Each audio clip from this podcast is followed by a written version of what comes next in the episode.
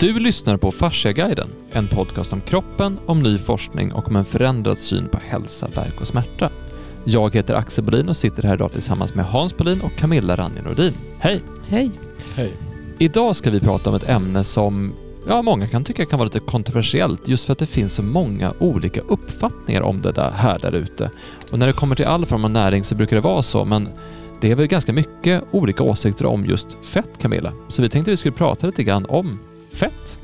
Mm. Eh, och fett, då tänker man ju mest på energi. Att fett eh, ger energi som vi gör av med direkt eller så lagras den in i form av eh, fett i kroppen på olika ställen. Men fett är så otroligt viktigt för så mycket andra funktioner i kroppen så att vi klarar oss inte utan fett.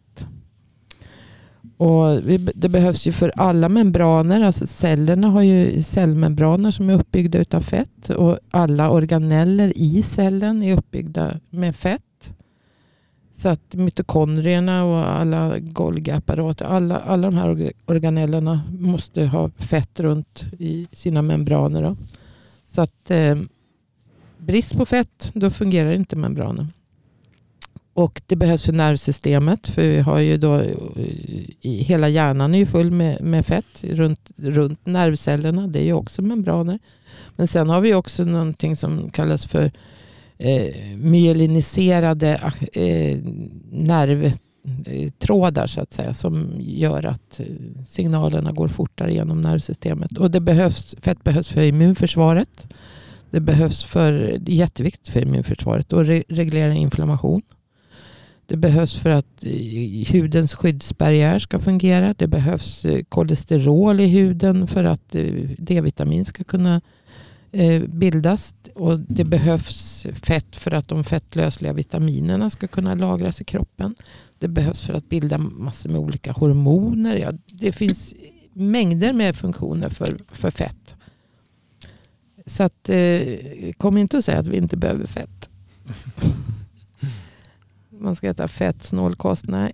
Eh, men eh, fett då, det är alltså triglycerider brukar man ju prata om. Och det är uppbyggt av tre fettsyror och en glycerol. Och en glycerol är egentligen någonting som man kallar för sockeralkohol. Alltså det är glycerol, det hörs det, det är en alkohol. Och det är alltså, man kallar ju också fetter för lipider. De hör till gruppen lipider.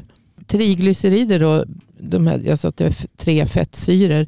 Så man pratar ju folk om fleromättat fett och enkelomättat fett och mättat fett. Men det är ju inte, det är fel uttryck. Det är fettsyrorna som är fleromättade, enkelomättade eller mättade. Då. Mm. Och den sån här triglycerid kan bestå av både fleromättade, enkelomättade eller mättade. Så det, det, det finns inget fett som är 100% mättat eller 100% fleromättat. Så att säga. Utan det är bara olika mängd i olika fetter. Det är därför de har olika smältpunkt. Då. Ska jag fortsätta?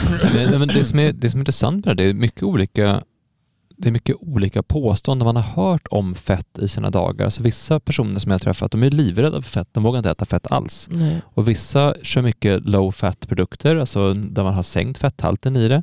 Eh, jag fick ett mejl från en kvinna som sa att alltså jag, jag har bra koll nu på mycket näring, mycket tack vare er och det ni har gjort och sådär. Men, men just det här med fett får jag inte gå ihop. Därför vissa säger att man ska äta den här typen av fett och vissa säger att man ska äta den typen av fett. Vissa säger att man inte ska äta fett överhuvudtaget och vissa säger att, att fett är farligt och vissa säger att det ska vara fleromättat eller enkelomättat och vissa säger att mättat är farligt och vissa säger att mättat är jättebra. Så det finns en, det finns en osäkerhet och frustration här och jag minns ju själv när jag gick i i skolan och fick lära mig, då sa, sa man absolut att, att mättat fett är dåligt och fleromättat fett är bra. Mm. Och så gjorde man det så, så pass enkelt. Mm. Men sen har jag bland annat träffat då professor Karl Arfors som var, mm. har gjort mycket studier och forskning på just inflammation och han menar att mättat fett absolut inte är dåligt utan snarare tvärtom, att det är bra att äta smör. Mm. Och då så här, Jaha, får man äta smör nu? Mm. För det är ju väldigt gott med smör, så det är, det är praktiskt att man får äta det enligt jag honom. Tror, jag tror att egentligen så han sa ju att det som är det, det, finns ju mycket saker som man inte, precis som vi har pratat om i,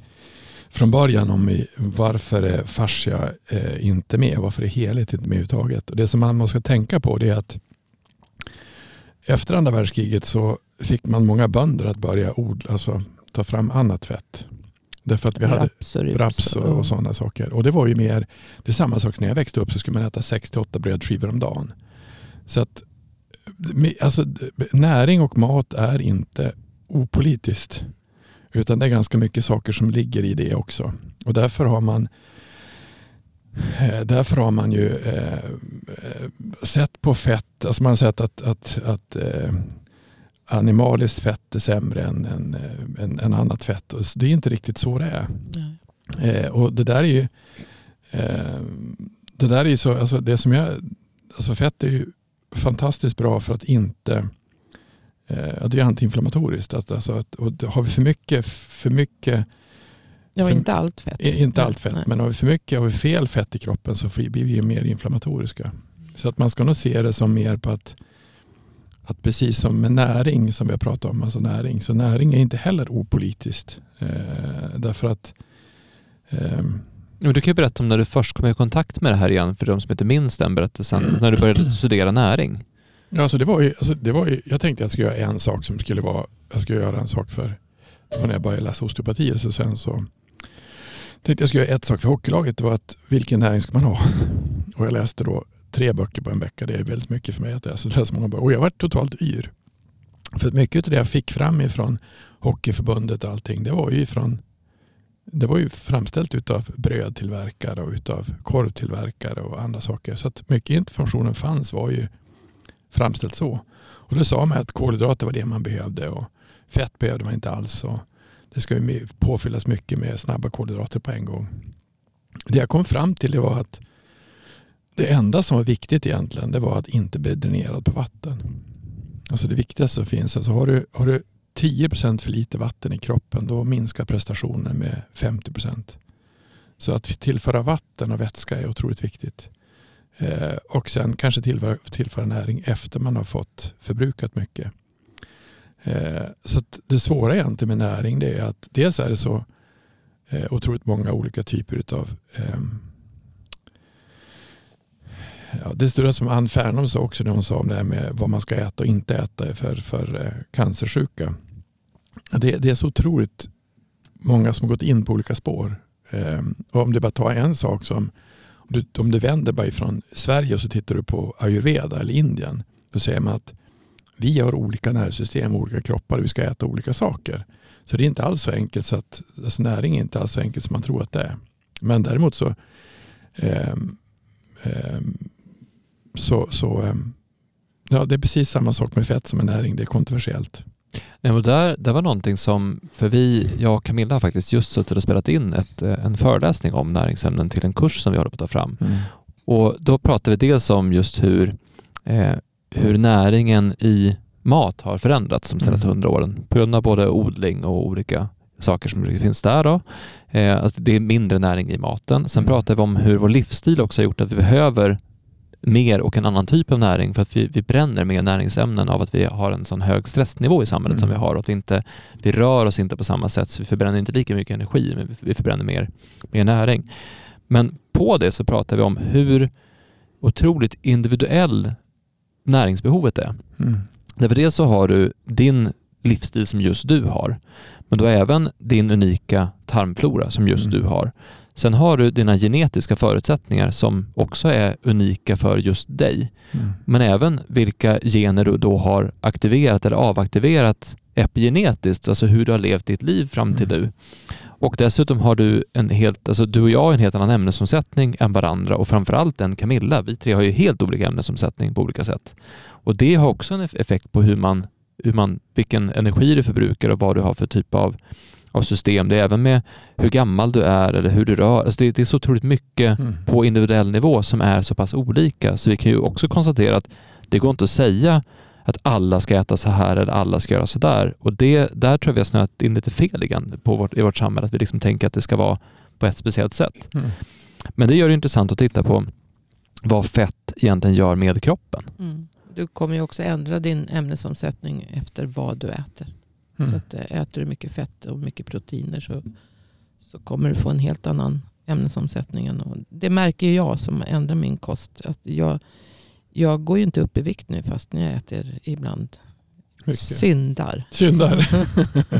så, så, Men det blir mindre sug, eller hur? Ja, dels blir mindre sug, men även om jag äter och helt fel.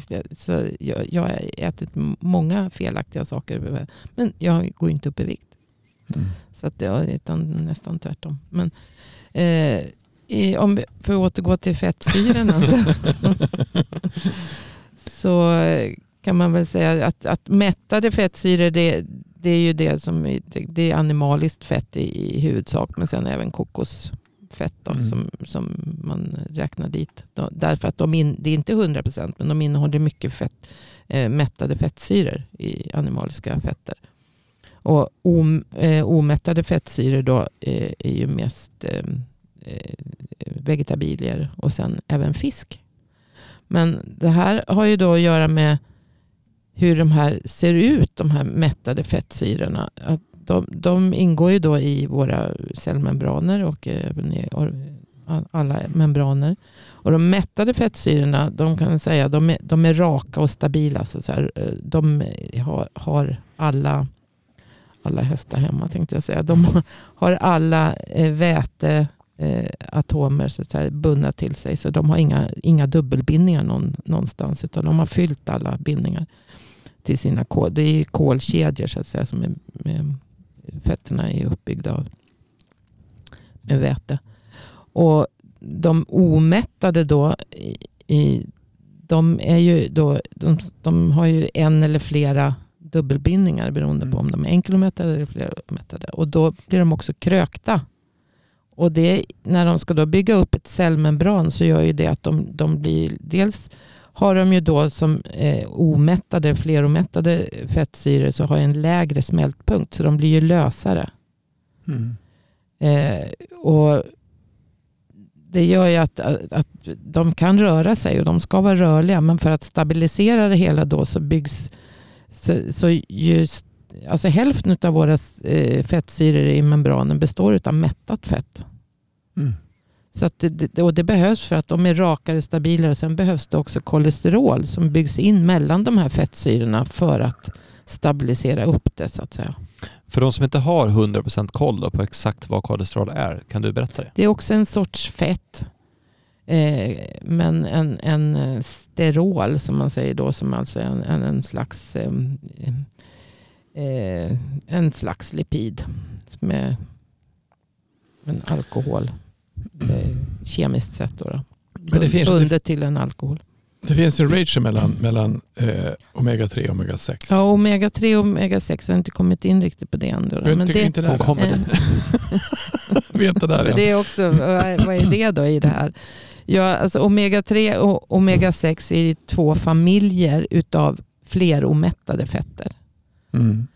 Och eh, fleromättade fettsyror. Mm korrigera mig själv där. Eh, så att det är alltså två familjer. Och eh, en, det finns då två essentiella fettsyror som vi behöver ha med maten. Och det är alltså i, i omega-3-gruppen så är det linolensyra. Mm. Och i omega-6-gruppen så är det linolsyra. Mm.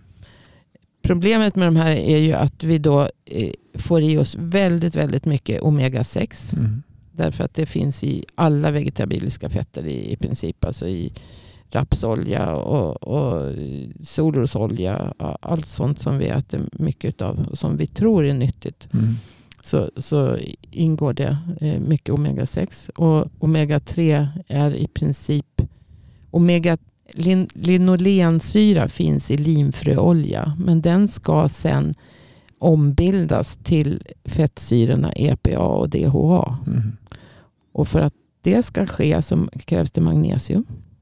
Magnesium igen Ja, alltså. det är magnesium igen. Men annars kan vi också äta de fettsyrorna direkt, EPA och DHA. Men de finns bara i fet fisk. Mm. Och eh, Det här är alltså för att förklara då omega-3 och omega-6. Eh, och balansen mellan omega-3 och omega-6. Alltså omega-6 är jätteviktig för immunförsvaret. Mm. Den triggar igång inflammationer för att vi ska skydda oss. Mm. Men omega-3 mm. hjälper till att avsluta infl inflammationen. Mm. Så att vi måste ha en balans mellan de här. Och vad som är rätt balans är man väl inte helt eh, överens om heller. Men man, man kan nog mycket väl komma ner. Jag vet att Karl Arfors säger typ 1 till 1. En, en, ett. en och en halv till 1.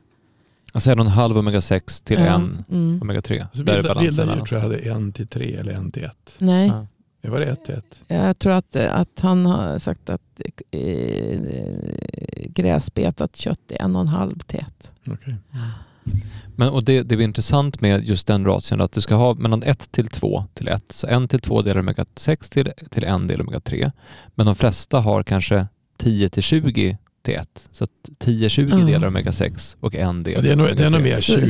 20-30. eh, s- ja, nej, 20 omega-6 och en omega-3. Yes. Ja, precis. Och i USA, så har de 100. Nej, Ja. nej, jag hade sökt. Ja, det var Ja, så. det, alltså det är det enormt, sant? enormt högt i USA. Men de äter så mycket majs. Och, majs. eh, och de matar djuren med majs. De matar alla djur med majs.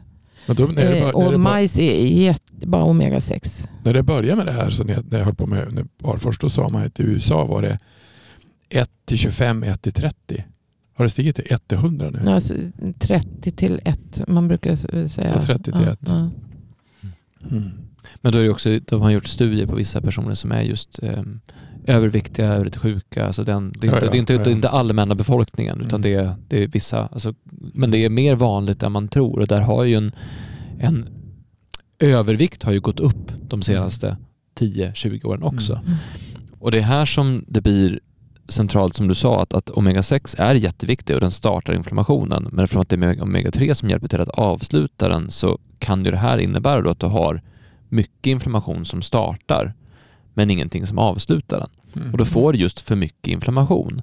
Och vi vet ju att vad inflammation leder till. Får du för mycket inflammation så kommer det i sin tur att skada eh, flödet, det kommer skada systemet, det kommer påverka bildningen av strukturen runt om kroppen och det kommer i sin tur leda till många olika typer av sjukdomar. Mm. Man har ju härlett ja, i princip alla folkhälsosjukdomar tillbaka till inflammation. Mm. Så att, Man, eh, jag tror att de är inte helt ense heller om vad som är viktigt. Om, om det är balansen eller om det är så bara att det blir för mycket. Det är samma enzymer i enzy, eller samma, ja, samma enzymsystem så att säga, som omvandlar de här olika omega-6 eh, till, till typ Arakidonsyra. en omega-6 fettsyra som, som är viktig. Då. Men, och som då omvandlar de här eh, linolensyrorna också till viktiga fettsyror. Så att det är samma enzymsystem som behövs. Så är det, så, det funkar ju så i kroppen att om, om eh, enzymerna så så får så mycket att göra. Så att då blir alla enzymsystem upptagna och då kanske det inte räcker till. Så man, jag tror inte man är helt en- enig om vad. Vad som behövs. Men vi får helt klart i oss för mycket omega-6. Jag vet när vi, när vi höll på med, alltså en sak som är, nu har jag hållit på det igen, med, men med, med whiplash. Så whiplash kommer ju fram till en kronisk inflammation i nekrosetten. Och en sak som vi hade för att titta på det, det var ju, som jag föreslog, det var ju 2015, det var att mäta ration mellan omega-6 och omega-3. Mm. Och det var ju då 2015 riktigt flummigt.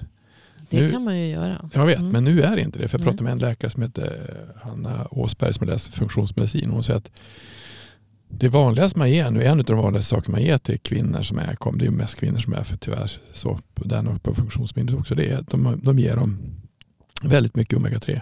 Mm. Alltså inte väldigt mycket men typ ja, 10, en, en eller två matskedar om dagen. En och en halv tror jag det är.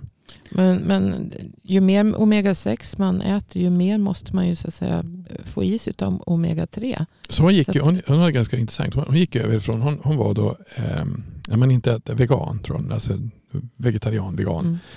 Mm. Eh, och då får, du, då får du fruktansvärt mycket omega-3. Det är omega-6. Omega-6. ja. Mm. Så att hon, då hon fick rådet av dem att hon skulle börja äta mer kött. Alltså köttprodukter. Ja. Och det gjorde hon. Och samtidigt som hon äter köttprodukter och som hon då också åt eh, o- omega-3.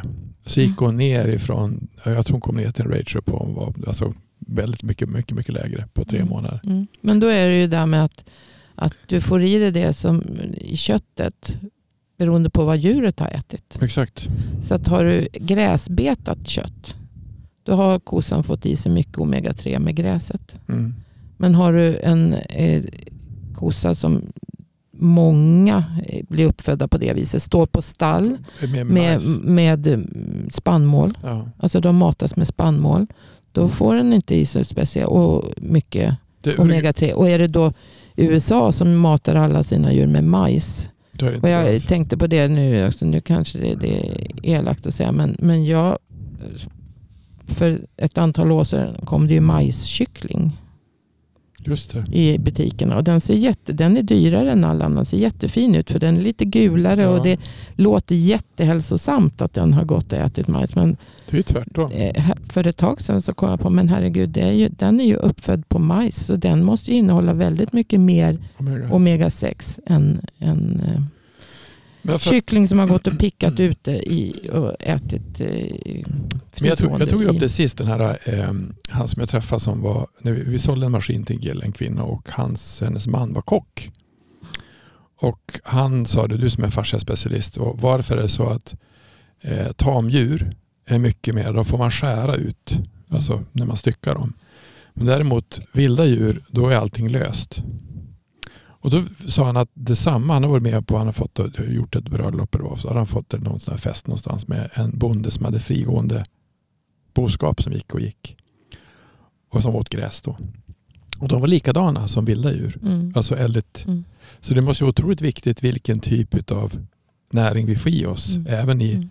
i pyramiden då. Ja, viltkött och, eh, och ehm, Kött ifrån Uruguay. De träffade, Mm. Min brorsa säger att de som är kossor i Uruguay, de, de, jag tog det för en kvinna som sa att all, vi är stygga mot alla djur. Och sa att de som är i, i Uruguay, då, går, då träffas, då trä, de träffar människor en gång. Sen när de dör. ja, när de föds. och när de Så föds. när de föds. Ja, ja. Det är två gånger, sen, sen ser de inga fler. Nej. Nej, och sen är, får de äta naturlig föda. Ja. Det är ju samma sak med, med laxen. Alltså när man säger att man ska äta fet fisk, Ja, alltså lax, lax. för, för, för eh, att få i sig omega-3. Det kan du inte göra varje dag dessutom för att det, det är fet fisk innehåller en massa annat eh, Mm. skit, eh, gifter och sånt som lagras i fettet. Men, men eh, odlad lax är ju bara en femtedel Så. det, det omega-3 innehållet som viltfångad lax har. Därför att den äter också spannmål. Den matar den med, med, med sånt. Det, så det blir inte en massa omega-3 i den. Därför att den blir vad den äter. Och, och sen en, en viltfångad som simmar runt och, och äter krill och annat mm. småräkor. Får ju i sig en helt annan... Mm. Jag träffade en fiskare, alltså en, alltså en, en, en, eh, en kund som jag hade. Han var helt tokig på att fiska. Så han åkte iväg, han varit överallt. Så han har varit i Argentina och fiskat och han har varit överallt och fiskat. Och då sen så eh, och då sa han, man, man slänger i fisken. Man fiskar och så slänger man i den. Och så sa han att, men hur är Norge då? Alltså, varför, jag har fiskat i Norge också, men där är det så, alltså han sa att odlad lax i Norge är så otroligt pinsamt giftig. Alltså Mm. det, det är inte Mm. kärnligt. Därför att den laxen, när vild lax går in då, så de far förbi de här båsen som finns så blir de sjuka. Mm. Så att de ger så mycket antibiotika till odlad lax och den Mm. är så fel, fel. Så- Så att jag brukar säga till min fru så att jag äter inte lax. Och han sa att ja, han skulle aldrig äta det. Och det var så Mm. intressant att få en, en berättelse om han har sett hur de ser ut och vad det är för någonting. Så att, att man, man, man ska nog vara försiktig Det med... finns viltfångad lax men Ja, den, är vet, mycket, ja. mycket, och den är helt annorlunda i färgen. Den, Den är vit. rö- Den, nej, den är, är fint rosa. Ja, Men den, den odlade är ju... röd. Nej, den är alldeles eh, svagt eh, geggigulaktig mera. Det är ju, den har inte alls samma färg. Det är krillen som ger färgen. Okej. Vad, Ja. äter, vad äter makrill då? Krill också eller? Ja, det gör de säkert. För makrill är ju Ja, mycket, ja, mycket ja. bra fett i. Ja. Och den är, och den är ju vild på, på ett annat Mm. Ja.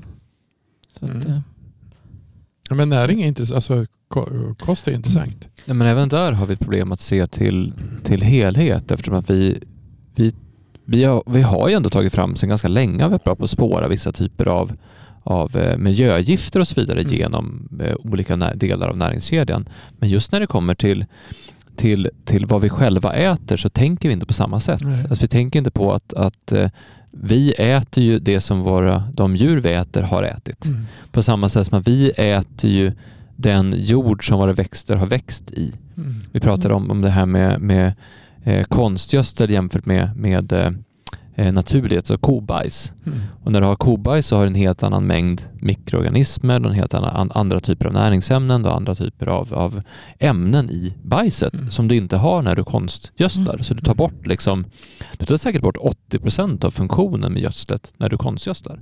Mm. Och det påverkar ju då grödorna som vi äter. Och jag, jag tror att man, man glömmer bort den man glömmer bort den aspekten av att äta. Mm. Man tillför ju på ett helt annat sätt det som djuren har ätit. Så att säga. Återgälda det till naturen. Mm. Och det, det, som, för det, det enda som skrämmer mig med den här viltfångande laxen, tyvärr, då, det är ju att eh, plasten som vi har slängt i Ja, haven Ja.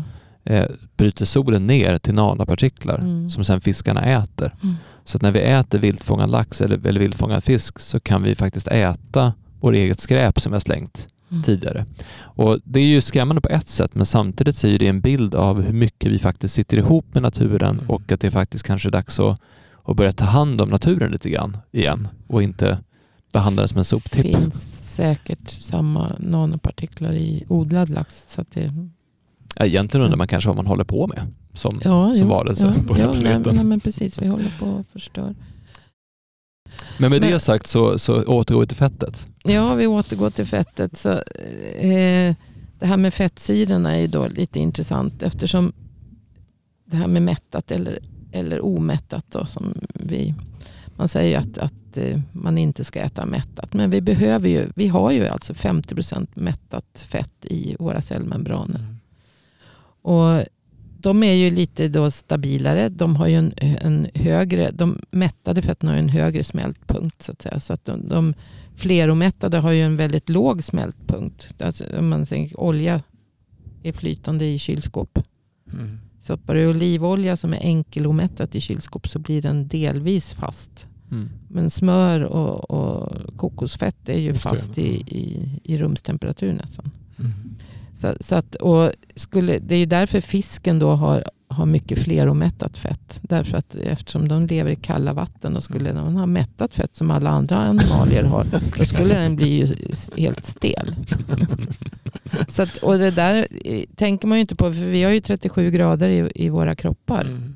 Så vi måste ju ha lite stabilare fett också. Och eft- eftersom allt fett är i princip flytande vid 37 grader. Så överrörlighet kan vara brist på... Jo, det skulle kunna vara. Ja, eller snarare kolesterolbrist kanske. För kolesterol är ju då en typ av fett men som hjälper till att stabilisera i, i cellmembranen. Så att kolesterol det har ju sån eh, skrämsel. Hur alltså- får vi i oss alltså, kolesterol då? Ägg får vi. Vi, vi bildar det själva i kroppen.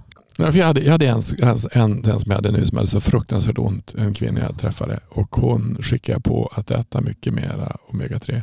Ja, hon kanske hade inflammation som Ja, inte ja, hade- ja alltså, ja. säkert. Alltså, alltså det, och, och, ehm, det, det är ju alltså det hon sa. Alltså, de, de som, en sak som FunMed gör, alltså funktionsmedicin, de, de ger dem väldigt mycket omega-3. Ja, jag tror ju alltså det, det är nästan oundvikligt att, att få för mycket, eh, förhållandevis för mycket omega-6. Alltså det, det, det, är för lite, för lite omega-3 menar jag. Ja, för lite omega-3 och för mycket Och omega-6. omega-6, ja. Det är oundvikligt för, om man inte är väldigt, väldigt medveten. Och för lite magnesium. Och för lite magnesium. Ja, för lite magnesium. Alltså, defini- definitivt. Magnesium behövs ju för allt, alla enzymsystem. i det. Alltså, är, inte alla, men eh, de allra flesta. Så att, eh, om vi då eh, återgår till det här med kolesterolen. Och eh, eftersom kolesterol är ju sån skrämselpropaganda Mm. för att man, och det här med ont kolesterol och gott kolesterol. Och det är inte så enkelt heller som att det är liksom LDL är ont och HDL är gott. Mm. Eh, för att ja, det var ju som en forskare sa, någonting, kroppen bildar ju själv kolesterol. Varför skulle den bilda någonting som sen är liksom ska, skadligt för oss? Utan det är ju det är andra faktorer som gör att det blir, man säger ju att det är högt kolesterol som, och framförallt LDL då, som, som finns, som ger åderförkalkning Mm. och kärlproblem. Och det, det finns det inlagrat i det här eh, för förfettningen i blodkärlen så att säga. Men det hamnar där på grund av andra skäl, tror man ju. Eller vissa forskare hävdar det. Eh, och så att om inte vi har tillräckligt med kolesterol så kommer ju de här cellmembranen bli alldeles för veka. Mm. Och växterna, kolesterol är ju en animalisk produkt. Alltså Mm. det finns bara i djur. Växterna har ju då sterol, andra typer av steroler. Mm.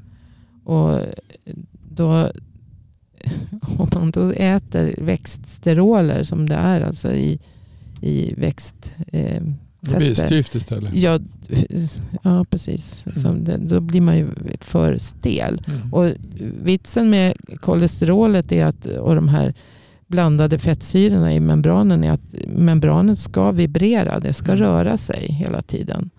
Men ändå vara stabilt. Mm. Så att det, kolesterolet är som någon slags stomme. Man, Mm. Tänk på fascian och, och nätverket där så att säga. Så att det stabiliserar.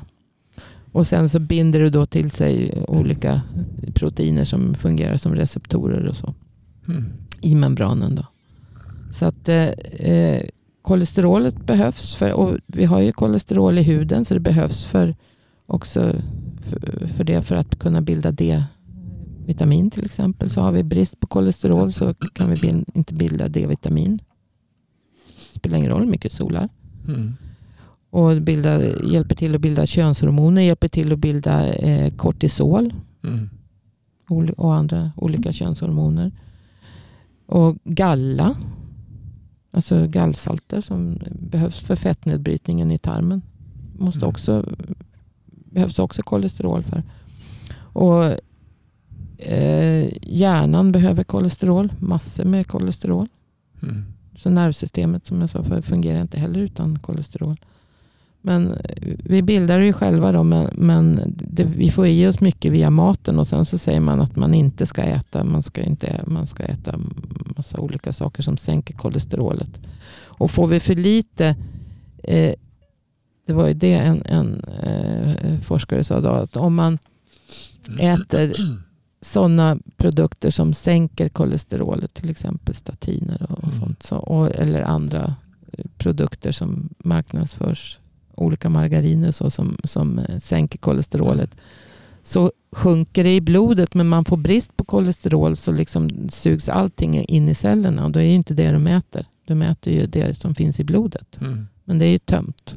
Mm. Och då har man alltså sänkt kolesterolen. Och då tror man att det är frid och fröjd. Men egentligen har du kolesterolbrist. Mm. Och Var det det som... det, det är mer en fråga om, om de här... Eh, om man har kolesterol, får, får för, för lite fett och för mycket kolhydrater. Mm. Då, då fungerar, då blir de här LDL, LDL och HDL, det är ju alltså lipoproteiner som Mm. ska transportera kolesterol i blodet. Och då säger man att LDL är det onda kolesterolet, Mm. det som är bundet till LDL. Men om, om eh, man får för lite fett, äter fettsnålt och mycket kolhydrater, då kommer det bli små nanopartiklar kan man säga utav de här LDL. Eh, istället för stora fluffiga partiklar. Och de här små nanopartiklarna de kan inte fästa på vanliga eh, ja, fungera på vanligt sätt. De tas inte upp så att säga, i, i cellmembranen utan de kommer att, att fästa på endotelceller och, och så att säga, ska städas bort. Mm. Men, men eh, då kommer de också att loggas in i de här eh, placken som blir, blir vid åderförkalkning. Så det är därför man hittar mycket LDL-partiklar i, i den placken. Och man hittar också, ju lösare de här plackerna är och mer farliga att de släpper iväg, ju, ju mer fler och mättade fettsyror har man. Mm. Men det här blir också en del av det problemet att man tänker på man tänker på mat eller kost som energi och inte som näring. Att man tänker att man får energi från, från fett och, och kolhydrater och proteiner och det spelar inte så mycket roll vad man tar egentligen sådär utan vad är bra och vad är inte bra och så vidare. Men om man ser på det utifrån ett näringsperspektiv så finns det ju, när man äter proteiner, alltså essentiella, livsviktiga aminosyror, alltså aminosyror vi behöver få i oss för att kunna bygga upp vår kropp. Mm. Och på samma sätt så finns det ju essentiella fettsyror. Vi måste få i oss en viss typ av fett mm. för att vår kropp ska fungera som den ska, för att de processer ska startas som behöver startas. Men däremot så minns jag Camilla, du har sagt en annan gång att, att eh, kolhydrater behövs inte Nej. Utan det, det tillför bara energi, så det är bra för att få energi. Mm. Men det behövs inte för kroppens funktioner på samma sätt som fett och protein behövs. Mm. Och dessutom kan både protein och kolhydrater omvandlas till fett. Protein eh, och kolhydrater omvandlas till fett om det inte behövs direkt för att eh, till cellmembraner eller för att bygga upp proteiner så att säga. Så att båda de fett och, och proteiner är ju byggstenar i kroppen som mm. behövs för olika... Det, jag tror att det är det, som är... Man, det är det och som... överskottet omvandlas till, lagras som fett. Ja, men det, om du tänkte att du äter någonting, vi kan inte laga så mycket energi Nej. annat än i fett. Nej. Så att om du då äter saker och ting, alltså du, du vräker i energi, mm. så vad ska kroppen göra av det? Nej. Vi måste lagra det. Ja, det kan bara lagra eller, eller så, Men det, är det, som är, det som är intressant är att då, då får ju, då, då får ju ifrån det perspektivet så fett, det är det som är farligt för det finns för mycket i kroppen. Mm. Men det är det de har sagt att om du byter kost så att du äter mycket bara proteiner och fett så blir du av med fett. Det är det som är så mm. sjukt. Mm. Därför då, då, då får du i dig näring som är svårbrytnerbar. Mm. Så det, jag, jag, brukar, jag, jag brukar, säga, brukar säga som ett exempel att man tänkte att Tänk att vi är som en, en, en stor last, alltså en stor, alltså en, en stort fartyg som far på vatten. Alltså de, de går ju på råolja. De, de, det är vad de använder för att driva de här stora motorerna. Vi är också byggt för att gå på råolja. Men vi kan också gå på bensin och nitrometan, alltså snabba saker och ting. Det skulle kunna göra ett sådant fartyg med. Den skulle gå sönder, den motorn skulle gå sönder. Och vi har en sån motor också. Vi har en motor som kan, som kan driva vad som helst. Men vi har tankat för mycket med snabba saker och ting. Därför blir det det som är intressant. Som, som, det här är också lite känsligt men om man tittar på åderförkalkning så är det ju att det blir för det är ju dels vad som far i, i blodådrorna men det är också hur elastisk är blodådrorna? Hur, mm. hur mjuk är du? Mm. mm. Och Det som jag tror Karl gjorde och de flera har gjort också det är att om du byter, om du äter tillräckligt mycket omega-3 i tre månader så kan du ändra, han är, han är, jag tror han gjorde det sex månader, han ändrade sin, sin eh, biologiska ålder ifrån 75 till 42 mm. på ett halvår. Mm. Genom att äta omega-3. Och ändå när jag var på... Och minska omega-6. Han, han, han kämpade. Han kände, ja. Så jag såg när vi var ute nu på, på reste runt och kollade på film. Jag tror det var i Höganäs och någon annanstans. Så skulle vi gå till, på hotell. Ett hotell vi var på hade ingen, ingen fil eller, eller, eller yoghurt som var över 3 procent. Utan allting nej, var lätt, nej, lätt, lätt, lätt, lätt. Och då tillför du socker istället. Alltså det, är ju, det, det, är så sjukt som man tror inte är sant. Och hur kan den här... Eh, för det måste ju finnas tillräckligt mycket forskning som finns nu som visar att, att, att fett är bra. Det är att vi inte accepterat. Men det är ju ganska intressant. Att det, och då, vad, vad gör det för fascian? Om vi får fel fett så bildar vi, då bygger vi fel kroppar. Eller hur? Ja, och, men framförallt så är det ju att vi får i oss för mycket. Han, han slutar ju äta kolhydrater också. Ja. Och det är inte frågan om det här nu, alltså det är inte frågan om att sluta helt, men sluta med snabba, snabba socker, kolhydrater, alltså lättsmält ja. socker. Men det, det, som vi har pratat om förut. Men, men och det är ju inte kanske frågan om att, att, att göra det konstant jämt heller, men i vardagen. Mm. Sen om man gör något snedsteg någon gång ibland, det, det kan man göra utan att det gör någon skada. Men vad man ska tänka på är att, att det kan ju trigga igång beteendet igen om man gör det för mycket. Så det, för det är, ju, det är ju en konst, eller det är ju ett arbete att vänja sig av med det här ja, söta. Det, det, har vi pratat om förut. Och, men det är ju det, det, det höga det höga sockerintaget ihop med för mycket fleromättat fett. Som, alltså vi behöver det, men det är mm. för mycket fleromättat fett och omega-6 alltså, i, ihop med, med socker som, som gör att vi blir jag, jag har hört många föredrag som har haft Karl. Han säger att, att det, han var ju Det finns säkert andra också som gjort det. Kostdoktorn säger väl ungefär samma sak. Eh, de är ju likadana. Men alltså att egentligen så, det som finns på en livsmedelsaffär så är det väldigt lite som man ska köpa där. Om man ska vara Mm, riktigt, mm, mm. alltså, så, så det, du ska köpa långsamma kolhydrater. och, sen, och, Och så ska ja, du köpa och så och- fett och ja. protein. Och sen är det alltså, det är ju många saker som, men ja, framförallt så ska du ju köpa rena råvaror. Ja. Så att du, Och det, och det, det är ju en annan dimension att se på eftersom jag är i alla fall så gammal som, det är ju du också, att när det, när det fanns ICA-butiker och det fanns många olika slaktare och det fanns massa olika saker. Det finns det på kontinenten också. mm.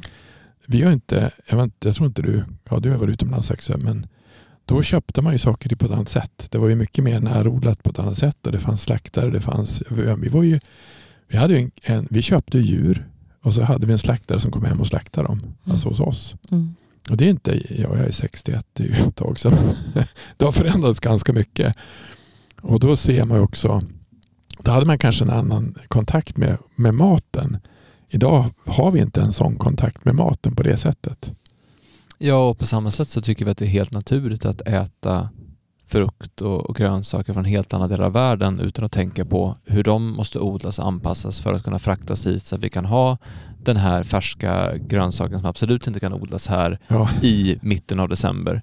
Så vi har inte heller anpassat, det är inte anpassat efter säsong utan allting ska ju som komma.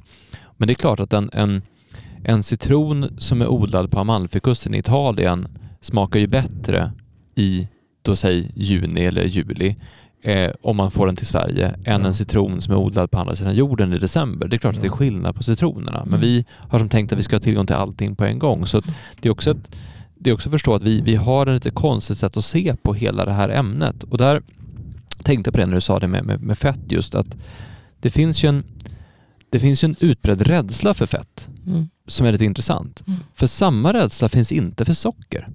Nej. Alltså Nej, socker det är, är inte- det, är, det är märkligt. Vi är inte rädda för socker, men vi är rädda för fett. Och det här är jättespännande Mm. för att om du, tar, om du jämför de två ihop så är ju fett essentiellt. Det är någonting vi behöver. Vi Mm. måste äta fett. Mm. Sen finns det ju, alltså det betyder inte att jag säger så här, gå hem och tryck i ett paket smör. Det skulle inte du göra i alla fall, för du, blir, Mm. alltså du mår ju illa av det. Mm. Men, men att man inte ska vara rädd för att äta smör till exempel. Men däremot så, så socker är direkt livsfarligt. Ändå är det folk som går hem och trycker i sig en påse godis.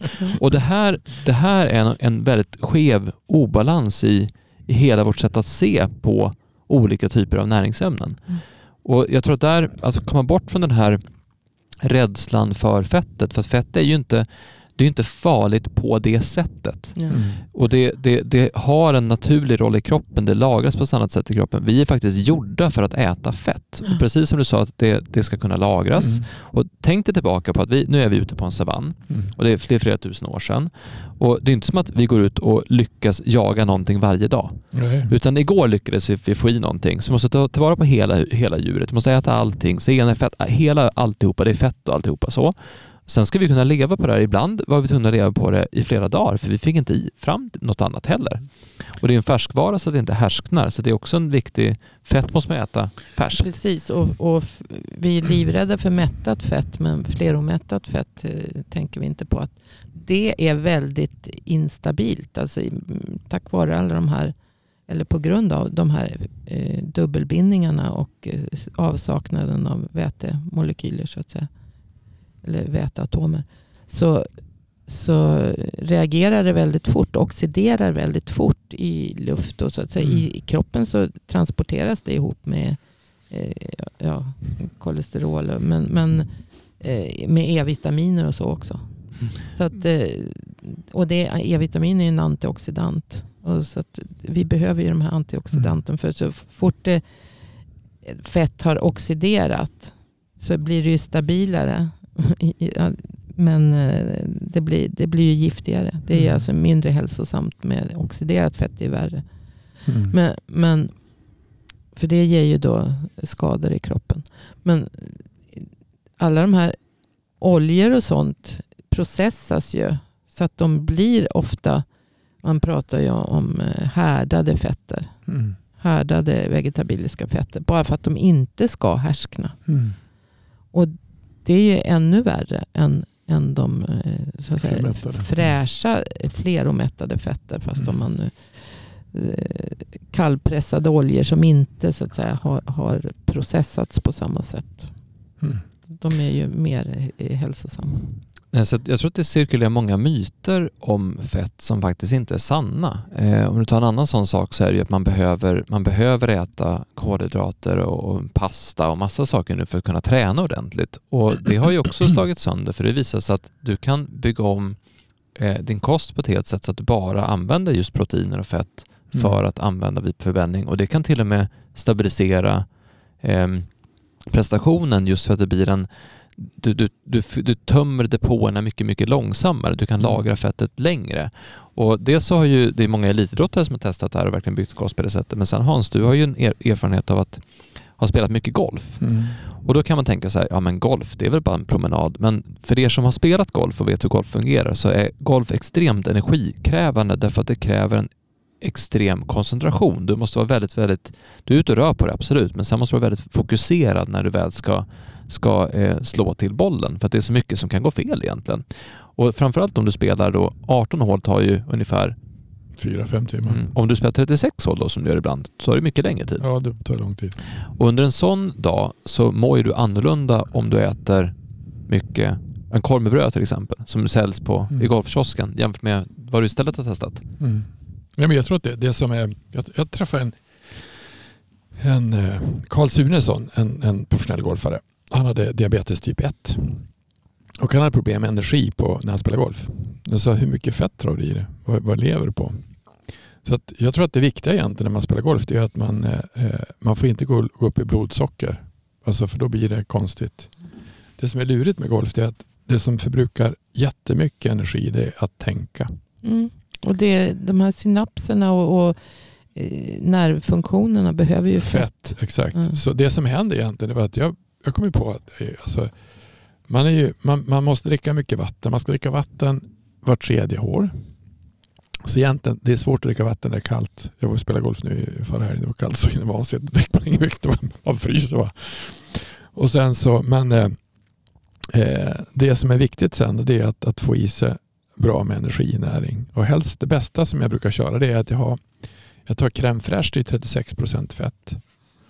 Och så brukar jag ta eh, blåbär och hall, alltså blåbär. Och så sen så mixar man det. Mm. Så man får alltså bär och fett. Och så dricker man så kanske en liter sånt där och så kanske man häller lite någon typ av, man kanske häller någon, någon deciliter juice eller något så man får lite socker. Och så sen så äter jag upp det, dricker upp det, annars smakar det så jävla dåligt. Eh, men då är man, då blir man aldrig hungrig. Man är som i samma mod hela tiden. Mm. Eh, det tror jag få tänkt på. Alltså, de äter ju bananer på touren, så äter de bröd, alltså mackor. Mm. Det tror inte jag är så smart egentligen. Jag tror Mm. man ska försöka äta mer utav eh, alltså fettprodukter så att man inte, så inte händer någonting. För då blir man mycket lugnare. Så han, eh, Carl Sunesson, han, han sagt, Mättat fett blir man lugn Ja, utav. mättat fett. Mm. då ska jag inte, om man crème är, eh, är crème mättat då? Ja, det är mättat. det är mättat, Ja. ja. Ja, alltså, fett. nu pratar vi mättat, eh, man ska inte säga mättat fett, men det är mycket, mycket mättade fettsyror i Mm. eh, mejeriprodukter. Exakt. Mm. Så att jag tror att sen är det, eh, jag tror att de hade, det tror jag sagt förut också, men eh, Pichler som körde skidskyttar. Eh, jag pratade med, vad heter han som är Björn Ferry. Björn, Ferry. För att han, Björn Ferry körde ju low carb high fett. Han bytte ju kost. Mm. Så ringde och pratade med han när han kände, för han höll på med Karl och någon annan som jag kände också. Och han körde ju så. Mm. Och det var ett sätt att de tränar ju så mycket. Mm. Jag träffade en annan kille som jag berättade också som gjorde sådana här vad heter multimotionär, vad heter det, multi, de springer en Alltså maraton. triathlon. Nej, nej de springer, de springer 30, 30, 30 dagar. Om det blir två eller tre mil om dagen. Eller om han gick, det var helt sjukt. Mm. Han bytte ju totalt kost, bara protein och fett. För då kunde han anstränga sig mer. Så han måste byta motor så att han har, näringen med sig. Så att, det- vi hade ju, det där är ju kontroversiellt för att eh, vi hade ju någon som vi pratade med, någon som hade tittat mätt, som hade forskat någon som hade mätt. Så att man behöver kolhydrater också sa hon. Men det är ju elitidrottare sådana som är extremt alltså, men jag är inte säker på att de behöver det heller. Nej, jag, tror, det, jag tror det funkar. Det är också med en, med en tillvänjning. Jag tror också det. Men, eh, nej, men de som tränar mycket gör ju av med det. Så där är det, det, problemet är väl med vi vanliga dödliga som inte som äter för mycket kolhydrater Alltså, och inte gör av med det. Och, sen, Jag, jag tror att de hade problem och sen med vi, tror vi att vi ska göra det bättre med att äta fettsnålt. Jag tror att de hade problemet med de som tränar mycket, att de får inte i sig mat. De måste äta Nej, så in i helskotta mycket. Nej. Men det är ju som att titta på hur vi var, alltså när min pappa han jobbade på flottningen. Alltså de stod och flottade timmer på 50-talet. Det var ju hur jävla jobbigt som Mm, helst, ursäkta. Det gjorde min morfar. Ja, exakt.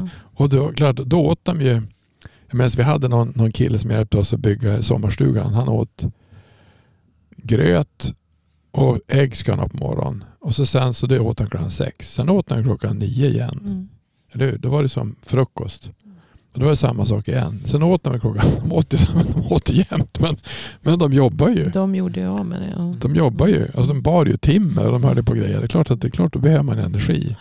Men var det- ta en, en full English breakfast med liksom Ja. bacon, ägg, bönor, bröd, potatis, hela köret, massa majonnäs. Ja. Och det var ju det man behövde för att gå ut och arbeta en hel dag. Så Ja, det, är ju, det finns ju en, men, men det, är, det är lite som vi pratade om, eh, vi har ju idag en, vi rör oss ju mindre idag än vad vi gjorde förut, men vi äter mer energi. Mm. Och där blir det en, det blir en obalans. Det är inte bara frågan om vad du ska äta, det är också hur du lever. Och ibland så vi är så insnöade på att titta på en del istället för att se Mm. på, på alltihopa. Mm. Och det gör det ju svårt för oss att säga så här, gör så här, gör så här, utan det beror helt på hur du lever. Men, men om man säger, man kan ta en sak med sig eh, som är ganska central, så är det ju den här, den här rädslan för, för fett. Det är någonting Och- som är lurigt där. Och rädslan för kolesterol.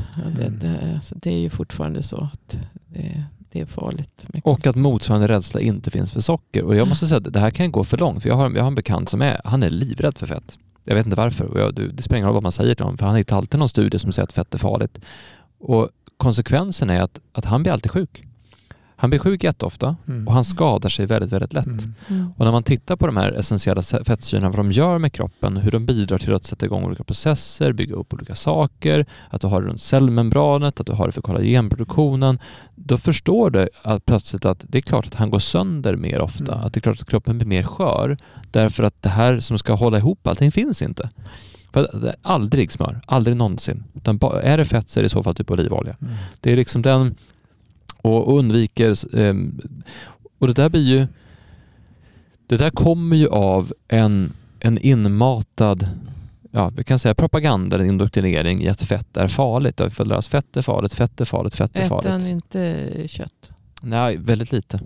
Mm. Eh, För just det, jag tänkte vad steker han i då? Men när han steker mat. Mm. Man ska ju inte steka i fleromättat fett heller. För det är ju så instabilt så att det, det förstörs ju. Mm. Eh, Det är ju därför man ska steka i, i smör Smör. eller kokosfett. Mm. Kokosfett är kanon för det tål jättehöga Kokosfett. temperaturer. Mm. Kok, ja, precis, för det förändras inte. Det blir inte skadligt när du hettar upp det.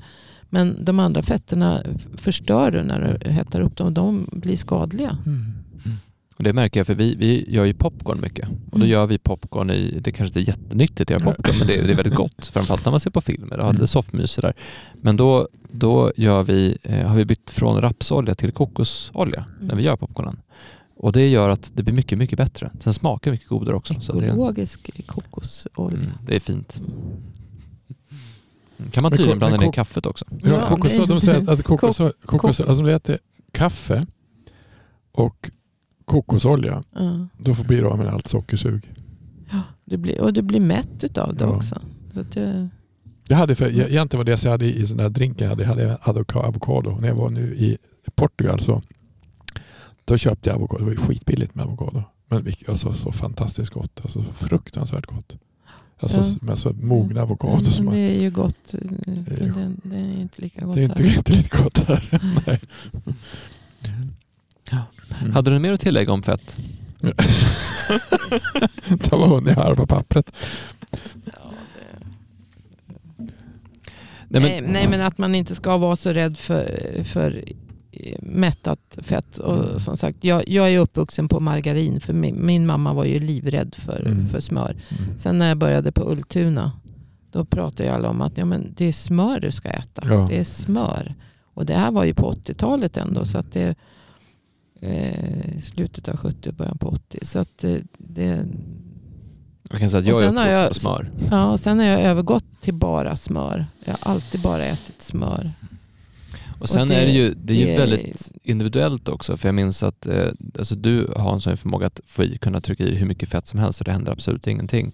Så du bör, jag minns när du började göra extremt feta gratänger till middag. Mm. Jag tror jag kanske var 13 eller 14 och sånt där. Och då, ehm, det gick jättebra. Jag tyckte det var kanon. Och min brorsa tyckte det var kanon. Och du tyckte det var kanon. Men min mamma klarade inte av det. Alltså hon mådde så dåligt av att det var så mycket fett. Så det är också en, det är inte heller en, en fråga om att eh, trycka i en massa grädde och smör utan Jo, ät och känn jo. efter. Ät och känn efter.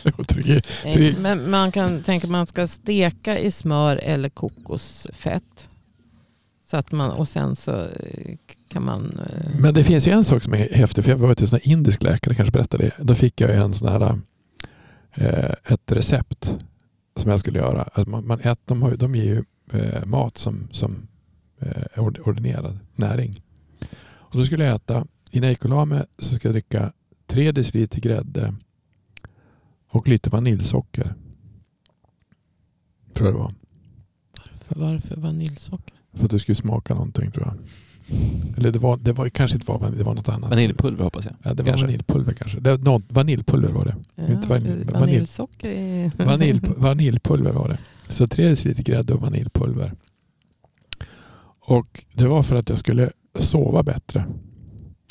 Och man, man, man sover bra på tre deciliter grädde. kan jag säga. Det är totalt, totalt tvärstopp. Men, det var, det var, det var en dyr diet. Kostade skjortan att dricka tre grädde varje kväll. Men det var ganska trevligt. Det kan bli för mycket. Men, men vad man ska tänka på, det som är viktigt och som är intressant här det är att alltså en, en, en fettsnål kost ihop med mycket socker. Det är livsfarligt. Det, det, det är det som ger de här Ja. Farliga LDL-partiklarna som alltså sen... Och ge in- in- fetma. Och ge fetma. Ja, och som ja. Men, men om man nu ska prata om åderförkalkning och kolesterolproblemen så att säga. Så, eh, man ska inte vara rädd för mättat fett och, och kolesterol. Nej.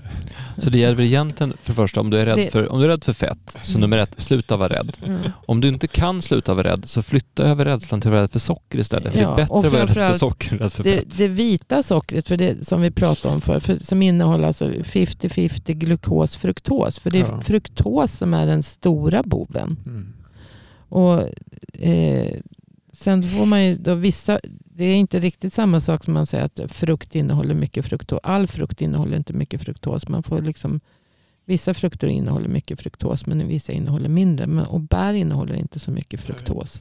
Så att, och stärkelse är ju egentligen bara glukos också. Så det är ju då bättre eh, med, med, i sådana fall. Det är fruktosen först och främst som man ska vara rädd för. Så allt vitt socker kan man ju, tillsatt socker kan man ju skippa. Så börja med att sluta köpa processad mat.